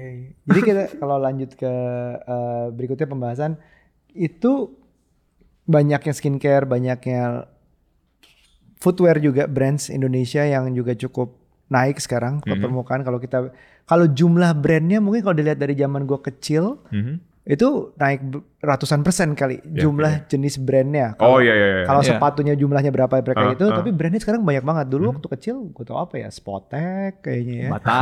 Bata. Kasogi. Eh Bata juga Kasogi. bukan Kasogi. Indonesia kan? Bata tuh Swiss by the Bata way. Iya, kan iya, ah, Bata Swiss. Swiss. Dulu tuh Spotek itu sekarang tuh banyak banget Banyak selain banget. Brodo. Nah, is it the rise kayak gue tuh ngelihatnya local pride ini tuh banyak naik dari segi oke tadi sepatu, Mhm. skincare uh, lokalnya, terus uh, makanan, Hmm, uh, iya. food industry itu kayak makan Indonesia tuh atau coffee, coffee. Oh iya iya. Coffee juga Banget, sekarang banget, tuh eh, nggak harus chain luar lagi. Kita mau yang very local. Ini Indonesia Iya, ini iya, ada iya, specialty-nya. Mhm. Bahkan negara kita kan produksi kopi juga. banget. Apa momennya apa sih yang bikin ini semua nih? Ada bahkan lo sendiri kan juga Rice juga karena kita lebih pengen beli produk Indonesia bukan karena disuruh. Bukan Ah. nggak cintailah produk-produk Indonesia. nggak harus gitu kita beli karena gitu. memang kok emang kualitasnya bagus banget sekarang dan Iya, brand iya. feel-nya juga lebih lebih bangga. Kayak Menurut lo kenapa nih? Apa yang memulai atau kenapa? Oh, gua mungkin lo nanya gua pas ibaratnya gini, eh, karena gue di tengahnya di tengah ombak ya, jadi gue ngikutin aja, jadi nggak tahu sebenarnya apa yang terjadi. Oh, kayak gue datang ke Bright Spot kan? Gue Iya. datang ke Bright Spot kan majority Indonesian brand yang Yes yes yes. coolnya tuh di situ dulu gitu. Iya, iya, iya. Emang ekosistem harus dibuild ya, ya. eh, dan itu somehow at the same time tuh works dan jadi wave gitu sih. iya. Hmm. Gua ngelihatnya karena gue lah di dalam yang kebanjiran eh bukan kebanjiran ya yang di momen itu gue merasakan gue juga nggak tahu sebenarnya apa yang terjadi Oh. tapi memang uh, barrier to entry emang nggak nggak tinggi sekarang Sebenarnya kan kalau kita balik lagi ke pertanyaan pertama, uh, kualitasnya udah ada Indonesia untuk untuk Yes. produksi Hmm, itu. Tapi kok da- saat itu belum terjadi, Hmm. terus sekarang tuh wow banyak sekali gitu. Mungkin pertama yang gue lihat eh, di pengetahuan gue yang terbatas di industri fashion apparel, Ah, kebanyakan memang eh, orang-orang yang berinda, yang senior-senior kita nih, eh, mereka ke bisnis ini karena opportunity, Eh, not necessarily emang suka Hmm. sesuatunya. Eh, opportunity aja kebetulan aja gitu. Hmm. Kebanyakan uh, dan approach mereka pragmatis. Jadi gue mendingan gue jadi gue bikinin buat orang dulu. Jadi the first wave of the apparel giants tuh datangnya dari ini ya, dari tukang jahit. As in brand-brand luar yang mau nge-outsource ke Indonesia, mereka jadi pabriknya. Ya, ya, ya. Nah itu kingsnya tuh terjadi di situ. Ya, ya, ya. Dan karena excess capacity, mereka jualan. Oke, gue bikin brand sendiri deh. Nah, Iya. muncullah brand lokal yang tadi lo mention. Ya, ya, ya. Biasanya startnya dia mereka ngerjain uh, brand orang lain dulu. Hmm. Dan dulu itu uh, kemarin ngobrol sama ya pemilik brand yang di Matahari Ramayana gitu. Cara mereka jual literally cuma di department store. Nggak ada tuh cerita uh, mereka bu- bikin toko sendiri di awal-awal nggak ada. Hmm. Apalagi online. Iya, bikin toko sendiri, apalagi bangun community Yes. ya sekarang Apalagi ya. nggak kepikiran. Nah sekarang memang ya tadi social media uh, uh, semuanya tuh mengubah itu semua gitu. Hmm. Oh. Jadi sekarang uh, dan success story udah mulai bermunculan pelan-pelan. Mm-mm. Jadi orang ngelihat itu biasa aja. Kalau buat yang kalau gue selalu look up to the ini uh, distro brands, Ya, ya, distro ya, brand-brand ya, ya. distro Bandung. Oh, Kalau awal-awal Oval Uncle Research gitu. Uncle itu mereka pionir kan? Ya, Karena Uncle tuh udah 22-an Yes. tahun apa 25. Uh-uh. ah, ah. mereka tuh yang wave kedua setelah yang tadi gue mention itu. Iya, iya benar. Mereka menolak department store, mereka bikin toko-toko sendiri di Iya. Bandung. Dan itu belum online tuh, Ya. Belum. ya kan? Belum. online. Tapi itu menjadi sebuah experience karena lo harus jauh-jauh ke Bandung. Hmm. Iya. Dan di situ mulai muncul ini loh istilahnya mereka uh, uh, limited. Jadi mereka produksi sekali That's it. 120 piece, 10 scene, habis ya udah. Hmm. Jadi terasa eksklusif. Hmm. Itu nggak develop habit dan dan cara itu works dan gue look up banget sama mereka.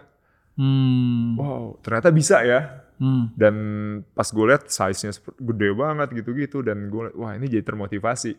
Tapi gue mikir nggak mungkin dengan caranya mereka. Iya, karena waktu sudah berubah Nggak tadi mungkin juga. gue bisa ngebalap mereka. Gue harus cara Ya. beda. Jadi ya mau nggak mau lewat uh, internet, social media. Emang Hmm. momennya ya gue termasuk yang hoki lah. Momen di mana pas gue memulai bisnis belanja online tuh emang baru mulai juga. I see. Orang mulai berani Uh. tanpa nyobain langsung ke toko. Udah Hmm. itu itu shiftingnya di momen lo ya. Yes. Heeh. Kalau gue tracing back sih itu ya kayak kejadiannya. Dan di awal-awal sama kayak uh, pasar NFT sekarang banyak banyak fraudnya. Dan di situ gue ngeliat, eh ini gue beneran mau jualan. Oh makasih lo diingetin. Eh, tenang, lagi merah kita Iya, semua. lagi merah lagi kita merah. semua. Baik. Eh, jadi gue kan yang serius pengen jualan. Terus gue malah ngeliat isu fraud ini soal di kompetisi bisnis yang gue nggak pernah juara itu ditanya bisnis online bukannya banyak penipuan ya justru itu karena banyak yang nipu yang bener cuma gue Wih, Hmm. yang niat mantap, mantap, mantap. tetap nggak juara Hmm. lolos seleksi pun nggak Oke, terus Jadi pada saat orang gue tahu waktu itu uh, online itu trust itu isu banget. Jadi strategi kita waktu itu gimana gue bisa develop trust. Makanya ada orang punya anjing di BBM-nya, gue ajak ngobrol. bahwa itu manusia di Gue balik beneran situ. niat. gitu. Terus uh, inovasi kita nomor satu yang kita bikin waktu itu adalah lo boleh tuker size kalau nggak cocok. Oh. itu termasuk inovasi loh. Iya, iya, Iya, iya, iya, iya. Karena ya isu size kan, semua nanya gimana kalau nggak cocok ya tuker aja selama jangan ah, lo pakai udah rusak gitu. Iya. ya. Rusak ditukar nggak cocok. Iya, iya. Hmm. Tapi kita suka aja masih jalan ini sebenarnya udah dipakai tapi ya udahlah. Iya, iya. Kita bilang bro ini sebenarnya nggak gini ya policy-nya. bro." Tapi di situ Ya, satu ya, dua ada lah ya ya itu. gitu. uh, emang uh, pada saat di awal-awal uh, challenges-nya di bisnis online kan gitu ya. Hmm. Jadi ya akhirnya rising lah. Menurut gua kayaknya di situ ya. Ah, Lokal jadi gitu ya. Plus memang ya Hmm. uh, kayak Mas Anton dengan Bright Spot-nya, terus teman-teman yang lain dengan event-eventnya, movement-movementnya itu Hmm. itu ngebantu banget. Iya, iya. Itu ngebantu iya. untuk Bright Spot ya. Ah. Pertama kali lo brand lokal bisa jualan di mall, Hmm. itu kapan lagi gitu? Di momen itu ya. Iya, iya, benar, benar, benar. Dan sekarang Pak Presiden juga pakai sepatu lokal. Yoi. Hmm, maunya gitu ya. Nama sepatunya Nah Project. Ah, itu i- lu kenal sama atau jangan lu di belakang? Kenal baik. Nah, baik. What's the Karena- story kalau tuh? karena itu punya kita juga. Oh gitu. Serius. Serius. Oke. Panjang ceritanya. Boleh lah, Iya, boleh dong, cerita dong, cerita eh, dong kalau gitu. Jadi gue agak ada cheat code yang tadi kan gue ceritakan. Iya, eh, iya. Kita jualan sepatu. Iya. Kita tahu pasar sneakers nih gede. Iya. Kita pengen coba belajar. Hmm. Gimana cara kita bisa belajar, bisa mulai jualan tapi tanpa Brodo mulai dulu kita perlu tumbal. Iya, iya, iya, iya. Another, another Tumbalnya brand. si Nah nih. Nah, project dan dia emang lebih youth aja waktu itu pasarnya. Hmm. Lebih lebih apa ya? Lebih skate, uh, music, art. Jadi yang Hmm. benar-benar bukan pasarnya Brodo. Iya. Nah, tuh nama anak gua. Nara Agrea Harlanda. Oh, oke oke. Terus ya, Oke. ya gue suka su- nah, yang lucu-lucu gitu kan Brodo gampang nih. Nah kan nah. Oh, Oke, Oke. oke, oke. Jadi itu sebenarnya uh, bahasa kasar itu tumbal kita waktu itu. Jadi anak lo tumbal nih. tumbal untuk belajar jadi Terus, terus? bapak. Jadi ya dia beneran lagi eh, ini gue singkatin sedikit ceritanya. Jadi Ya. eh, si Nah Project kita belajar gimana cara produksi sneakers yang baik. Hmm. Oh gini toh defect tuh gini pabriknya beda lagi. Jadi kita belajar buat pak- pakai Nah Project dan itu Nah Hmm. It Project works ya. berjalan memang tadi kadang-kadang uh, privilege dan keberuntungan tuh kan nggak bisa didapat ya jadi momen Ya. itu uh, pas uh, ada momen kita harus ikut kita diajak ikut pameran acara dokter Tirta waktu itu Hmm. di Jogja Hmm. tentang sneakers ya Brodo kan bukan sneakers tapi kita diundang lah ngapain gak nyambung Hmm. ya udah tumbal kita aja baju sih Ah. Oke. di situ emang ada kayaknya either Kaisang atau Gibran atau dua-duanya emang datang Hmm. dan memang sama si dokter di di nih brand ini bagus brand ini bagus brand ini bagus. Hmm. dan itu kita yang pertama kali jualan sepatu lokal itu bahannya knit Ya. Oh, bahannya nih. Iya, bahannya iya, knit iya, jadi kayak- 2018 tuh belum ada tuh Kayak brand Oke. idola lo itu tadi. yoi Iya, iya, iya. itu niru banget sebenarnya itu desainnya kalau Hmm. kalau aware ya Iya, iya. dan akhirnya uh, ditanya ukuran bapak ada nggak bapak bapak lu bapak pak presiden pas mbak Uh, ada sih tapi nggak sekarang oh ya bla bla bla story short uh, kayaknya waktu itu Ngebut dong tuh langsung. diantar sama CEO-nya sampai ke dep- ke istana Hmm. beneran berangkat dari Jogja diantar ke istana Hmm. uh, mendingan naik kereta kan daripada pakai uh, Iya, iya. ekspedisi Iya, iya. besok langsung dipakai di acara gue lupa acara konser apa gitu Oh. Dan itu emang lagi heboh banget kan uh, ibaratnya Pak Presiden datang ke acara musik. Itu kan masih zaman iya, zaman itu kan benar, seru benar, banget ya. benar, benar. Langsung jadi headline sampai sekarang masih dipakai. Wow. Iya, dan terakhir yang ketemu Elon Musk kan masih dipakai Yoi, itu. ketemu Elon Musk. Jadi sepatunya ketemu duluan. Iya. Sepatu lo juga udah pernah ketemu Gary Vee loh. Oh, jadi lihat Bapak. Iya. Oh, iya. Luar biasa ini. Sepatunya duluan Sepatunya ketemu. duluan. Oh, iya duluan. Aduh. I see. Ya itu teman-teman bisa lihat tuh di episode Gary Vee ada satu fotonya ke cover Yes. itu Brodo itu. Brodo. right, right, right. Gokil ternyata. Kita masih ada waktu Gua ngikut ngikut. ngikut bapak-bapak aja. Oke, oke. Silakan. Gua gua mau ngobrolin branding sedikit sih. Oh, Oke. Em, karena kan tadi kesannya ngasal ya kasih nama ya. Iya. Sementara orang kalau bikin bisnis kan dipikirin banget. Tapi Nama Brodo sendiri tuh apakah memang sengasal itu atau Uh, jujur iya sih. hmm Se- Kan tapi ada se- iya. bronya lah laki-laki. Iya, gitu. iya. Makan. Karena uh, waktu mau nyari nama, gue sama partner kita sepakat mau nyari nama yang simple hmm dan agak salah sih kita mau yang terdengar buatan luar negeri, at least Ah. punya wibawa luar negeri ya Oke. ya gitu dan simple. Tesnya adalah kalau ngobrol di sam, di telepon sama orang bank, orang bisa nge- ngejak dengan mudah. Hmm. Oh, Oke. Misalnya gue bikinnya Andi, nah nama sepatunya Andi apa nih pakai Y atau pakai I? oh Gitu kan. benar Udah benar. ada N1 zaman dulu. Nah iya kan, N1. Ini Andi apa N1? N1? nah makanya jadi gue mau yang simple dan gue suka yang absurd tau gak? Jadi kayak Hmm. terinspirasi dari Nike, Dewa Dewi, kemenangan, Iya, Apple Computer, Iya. Microsoft, apaan itu kan gak ada maknanya, Hmm. Google. Yahoo. Iya, iya, iya. gue terinspirasi sama nama tag gitu loh yang gak nyambung. Hmm. Jadi ya udah, ketemulah itu di komik. Nama komiknya Il Bambino, Terus? komik tentang masak-masak. Dan di satu adegan si Il Bambino-nya ini disuruh masak masakan Itali, Hmm. yaitu kaldu ayam. Hmm. Oke, terus? oh, broth. Oke. Dan ternyata di nama masakannya Il Brodo something. Oke. Oh. Keren banget nih Brodo ini. Terus gue nama itu tuh masuk terus Brodo. Hmm. Nama kandidat yang lain ada. Ya. Salah satunya Poseidon. Poseidon. Waduh. Waduh. Jelek banget ya. Banget. Berat banget ya. Soalnya gue mau nama dewi dewa-dewa Yunani juga yang available belum didaftarin baru Poseidon. Ah, Oh yang dari Indonesia? Oke. Ada semua pokoknya namanya. Entah keramik lah atau apa. Jadi Oke. eh, terus ada ini, ada apa? Ada Valentino Rossi. Hmm. Apa ini? Dia itu eh, juara lagi atau apa? Terus dia pakai baju kaos, gambarnya ayam lagi lagi kayak mau dimasak. Hmm. Ayamnya lagi gigit eh, wortel. Hmm. Terus? Gue lupa tuh La Vecchia Fabuan Brodo atau apa gitu. Intinya ayam tua bikin broth yang enak. Oh. Oh, Brodo lagi muncul. Oh, jadi semesta menunjukkan Semesta. jalan ke situ untuk lo ngelihat kaosnya Valentino Rossi, Rossi, ada tulisan tulisan Brodo. Brodo. Nah ini ini Semesta. tunjuk ah, semesta. Tapi emang gue suka banget karena bronya itu dan Iya, itu iya. terdengar terdengar nyambung aja. Oh, customer Iya. kita bro, gue sama Uta bro. We're all bros, bla bla Iya. bla. Jadi langsung ngeset tone yang kita mau gitu. Ya Iya, bronya iya. dapat sih. Bronya dapet Brodo sih. kita oh Iya. ini bro, ini bro. Oke. Tapi Masalahnya, awalnya bro. brodu gitu, enggak bro melakukan. Brodo.com itu udah dimiliki sama orang, Hmm, orang Untuk Itali isinya nih yang jualan ayam tadi nih. bukan orang New York. Oh ya? Apa isinya? iya, dia punya restoran aja udah gitu, Oh, restoran oke. Itali. Iya, Jadi iya. na- makanya website kita bro.do. Brodo. Oke. .do itu Dominica Republic. Iya iya. Iya iya iya benar benar Kalau kita kan benar. Untung, .id untung ya. udah bisa ya kan dulu di awal-awal belum dong. Nggak paham gue kok bisa gue. 2013 gue bikin website. Oh, udah bisa ya? Wow. Oh, 2013 udah bisa ya.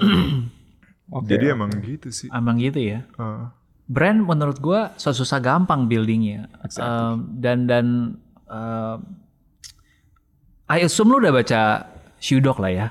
wah religiously ya. religiously gitu. Dan gua salut sama si Phil Knight karena di satu eh, momen kan dia aslinya kan ngebawa brand Jepang ya, Mm-mm. si Asics. Asics kan, Em, dan akhirnya ya dicipok lah sama brand Jepang. ya mungkin bahasa sekarang kena tepu gitu ya, Oh. simpelnya gitu. Sehingga dia harus bikin brand sendiri dong. Iya, iya. Jadi kayak semi terpaksa gitu.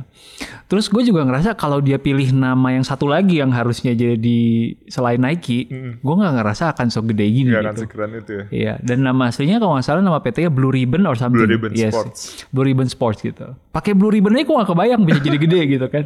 Kayak LeBron James with Blue Ribbon 14.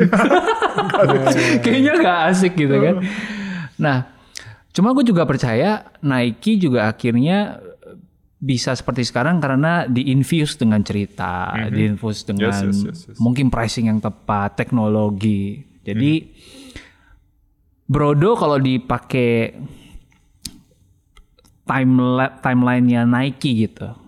Where are you guys now in terms of the brand? Apakah lo lagi, oh gue lagi infusing cerita nih, gue lagi infusing teknologi nih, Hmm. atau and then the future-nya lo mau ke mana? Karena kita udah ngomongin the past kan dari tadi Iya, kan. Heeh. Kalau jawaban romantis gue sih kita nggak mau di compare. Wih, Kita punya jalan sendiri. Asik. Tapi Jalannya ke mana tuh? ke Mars. Bener udah ketemu Elon Musk. Elon Musk. Ketemu Elon Musk mas. Eh, Nggak kalau gue itu eh, mereka benar-benar motivator ya. Karena eh, kalau di buku Shoe Dog itu ada momen di mana si Phil Knight kayak katanya eh, tensi darahnya itu ditentukan oleh jualan hari itu. Oke. Terus Oke. dia kayak dia kan zaman itu belum ada ini ya belum ada venture capital belum apa. Iya. Dengan bisnis yang sebesar itu bank aja masih nggak mau ngeloan mereka. Jadi Yes. sampai sebelum IPO tuh mereka masih susah sebenarnya. Padahal jualannya udah triliunan rupiah. Hmm, waktu itu. hmm.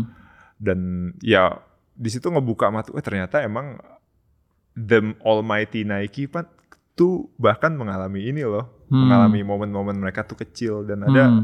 ada quote di sana, we only wish we can be as big as Adidas. Ah. Karena mereka masih tiny compare to Adidas sama Puma. Iya, at the time ya. Uh-uh. Hmm. Dan itu benar-benar memotivasi banget. Dan lucunya yang gue ngelihat si brand ini diawali dari memang si Phil Knight ini yang sangat tidak percaya brand. Hmm.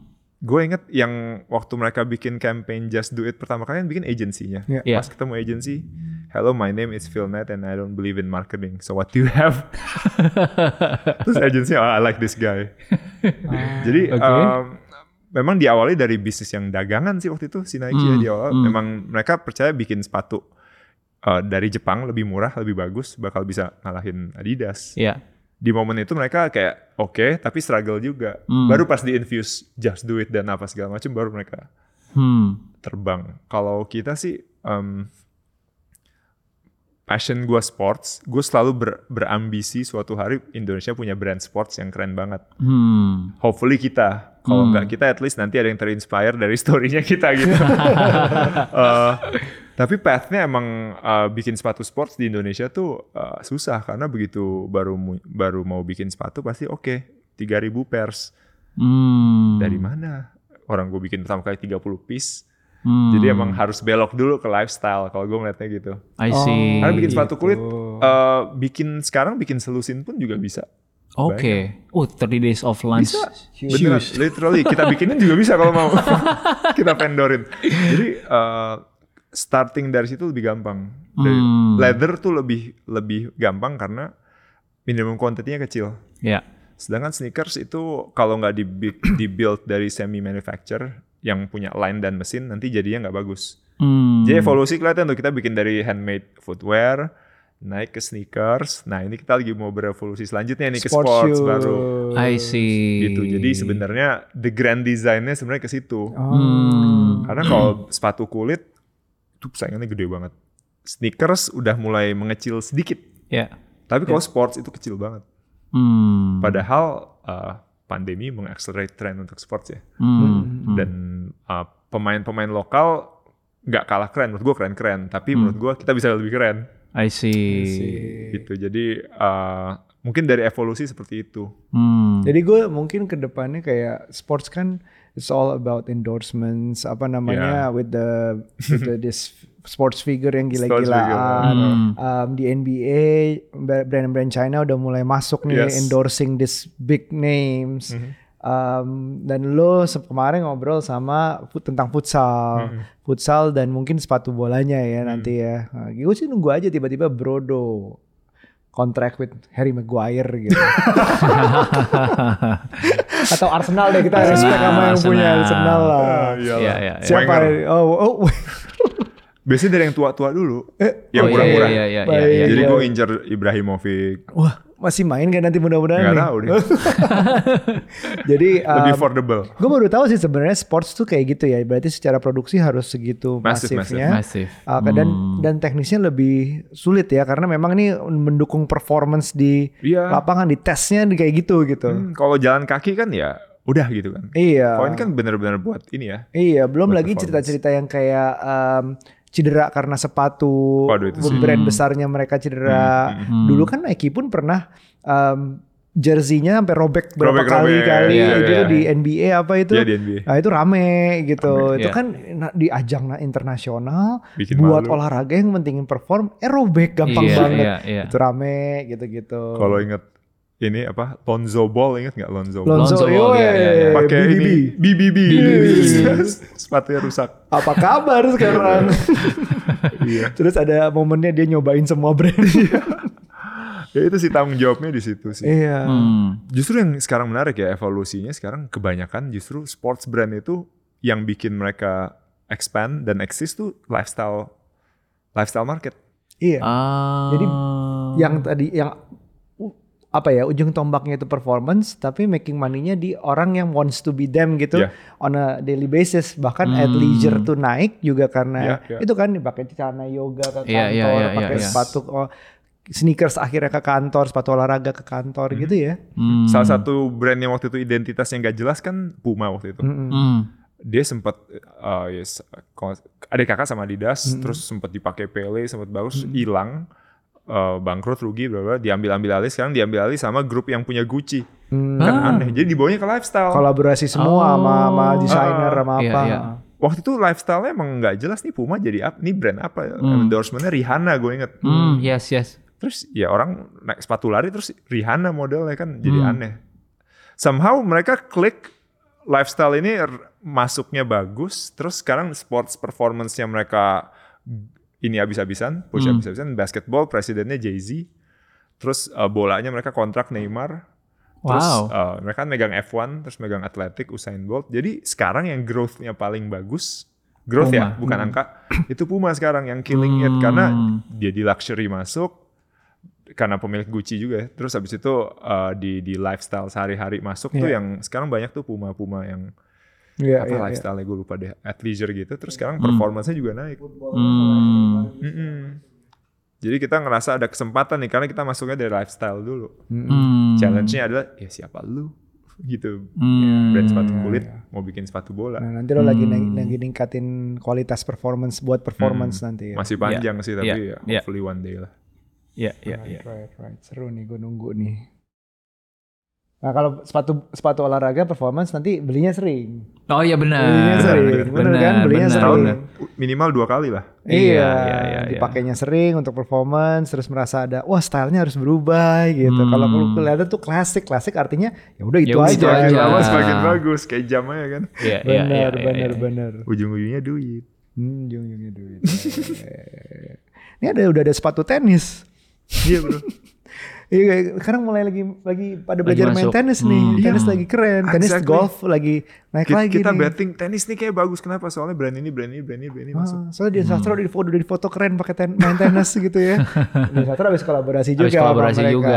Wah, itu Oke. itu uh, itu uh, warna salah satu warna baru yang mau kita tambahin tuh di Brodo. Iya. Uh, things about sustainability, Sustainability. uh, pemberdayaan budaya Mm-mm. dan gitu-gitu itu yang lo tau fast fashion kan? Tahu. Secara bisnis tuh bagus banget.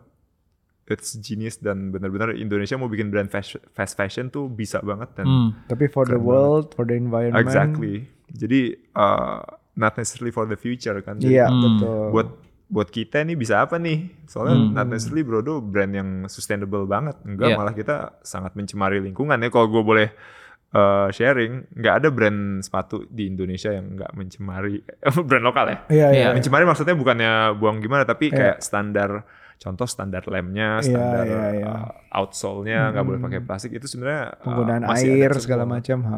Jadi yang gue sempat bingung, jadi mau ngapain ya? Masa kita mau bikin brand sustainable kayak Allbirds itu standarnya tinggi banget. Hmm. Iya. Pasar Indonesia belum siap. Iya. Jadi untuk menjadi brand sustainable gini dengan harga yang lebih premium, kita ngeliat identify belum siap nih. Jadi kita bisa ngapain? Nah, Iya.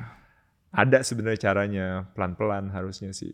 Yang Hmm. pertama uh, nomor satu nih yang kita tahu bukannya si factory-factory ini kita tinggalin ya. Kan maksudnya factory kita tinggalin mereka nggak bisa nyediain kita misalnya uh, uh, outsole yang kualitasnya sesuai ini. Bukannya itu kita tinggalin, tapi kita sama-sama develop bareng dan bantu bareng. Hmm. Terutama Hmm. buat yang produsen. Ya. Jadi contoh gue produsen gue yang vendor yang gede banget nih, salah satu main vendor gue itu mereka udah certified semua tuh. Hmm. Namanya ILS International Labor Standard, AMDAL segala macam udah terser- tersertifikasi. Kalau gue mau nggak ke arah sana, tentunya semua produsen gue harus punya standar ini. Iya. Hmm. Nggak banyak yang bisa punya standar ini. Hmm. Jadi yang terjadi adalah gue akan ninggalin mereka nih yang yang yang kecil-kecil dan menengah-menengah dan Ah. pindah ke sini. Hmm. Itu nggak nyelesain masalah. Itu cuma mindahin doang kan. Yang ini malah gue mutus uh, rezekinya mereka kan. Hmm. Iya. Jadi yang paling baik adalah yang mereka-mereka ini Diajak. pelan-pelan yuk bareng. Iya, iya. Diajarin. iya. Pelan-pelan terus dari standar dulu deh UMR. Hmm. Terus keadaan ini, keadaan factory-nya panas ya udah kita bikin ventilasi yang benar dari standar itu pelan-pelan itu jauh lebih mencahin masalah tuh Hmm. dibandingin kita cari yang certified certified certified soalnya kalau di uh, Euro dan Amerika USA emang standar mereka itu semuanya source mereka certified Hmm. gitu jadi situ terus banyak sih sebenarnya yang seru-seru di aspek itu Right. Wow. Bro udah jelas nih masa depannya nih. Seru nih kayaknya nih untuk dilihat nih. Uh, udah mikir sustainability, udah mikir ke arah kualitasnya naik lagi dengan performance. Um, go global pasti ya.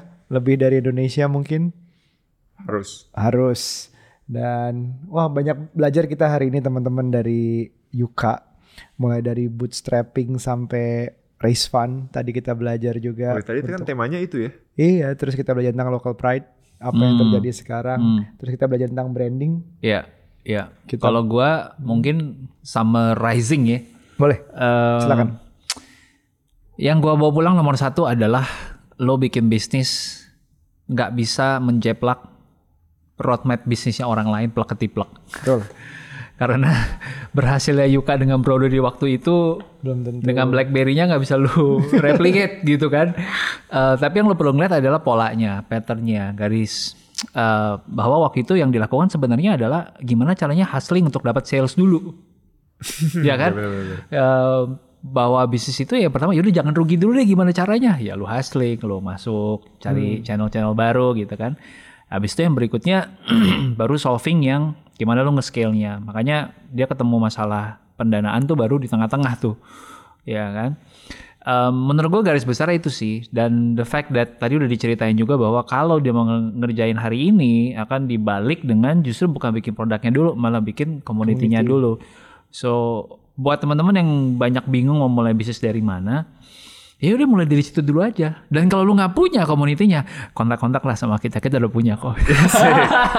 Bahkan community itu termasuk content creating ya walaupun nggak bisnis ya tadi kita bicarakan exactly juga. exactly. We can do something ya. Right, kalau gue gitu sih. Ya, ya, ya. Gue suka um, tadi di awal dia ngomong tentang passionnya adalah sepatu.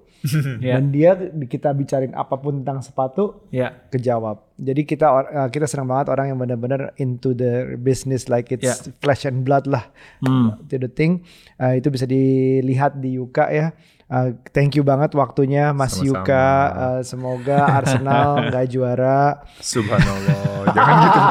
Gantian antri-antri. Antri sama Antri. MU ya kita dulu duluan nanti atau semoga Brodo nanti suatu saat bisa bekerja sama dengan Arsenal, Arsenal. gitu menyediakan buat mereka.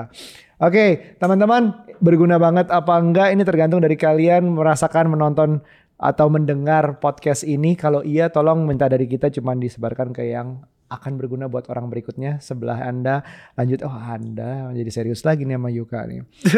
Teman-teman semua dan kita bisa sekarang udah ada visualnya bisa di YouTube, Spotify dan um, Google Podcast, Apple Podcast semuanya anything. Jadi sebarkan ke sebanyak mungkin. Yes, dan kalau lu dapat sesuatu yang menarik, eh, bisa tag juga. Thank you ke Bro, orangnya, ke Yuka. Ya biar jadi content creator juga nih. Gue mimpi gue pengen jadi kayak Elon Musk sih bisa shit posting tiap hari. Shit posting tapi likes-nya dan itu engagementnya gitu. Wah pusing gue nih setiap tweetnya dia. Ya, apa orang gitu. Luar biasa. Luar biasa. Yuka Arlanda, the next Elon Musk. Yes. Keberatan banget. Aminin dulu deh. Sampai ketemu di episode berikutnya. Bye. Bye. Thank you guys. Bye bye.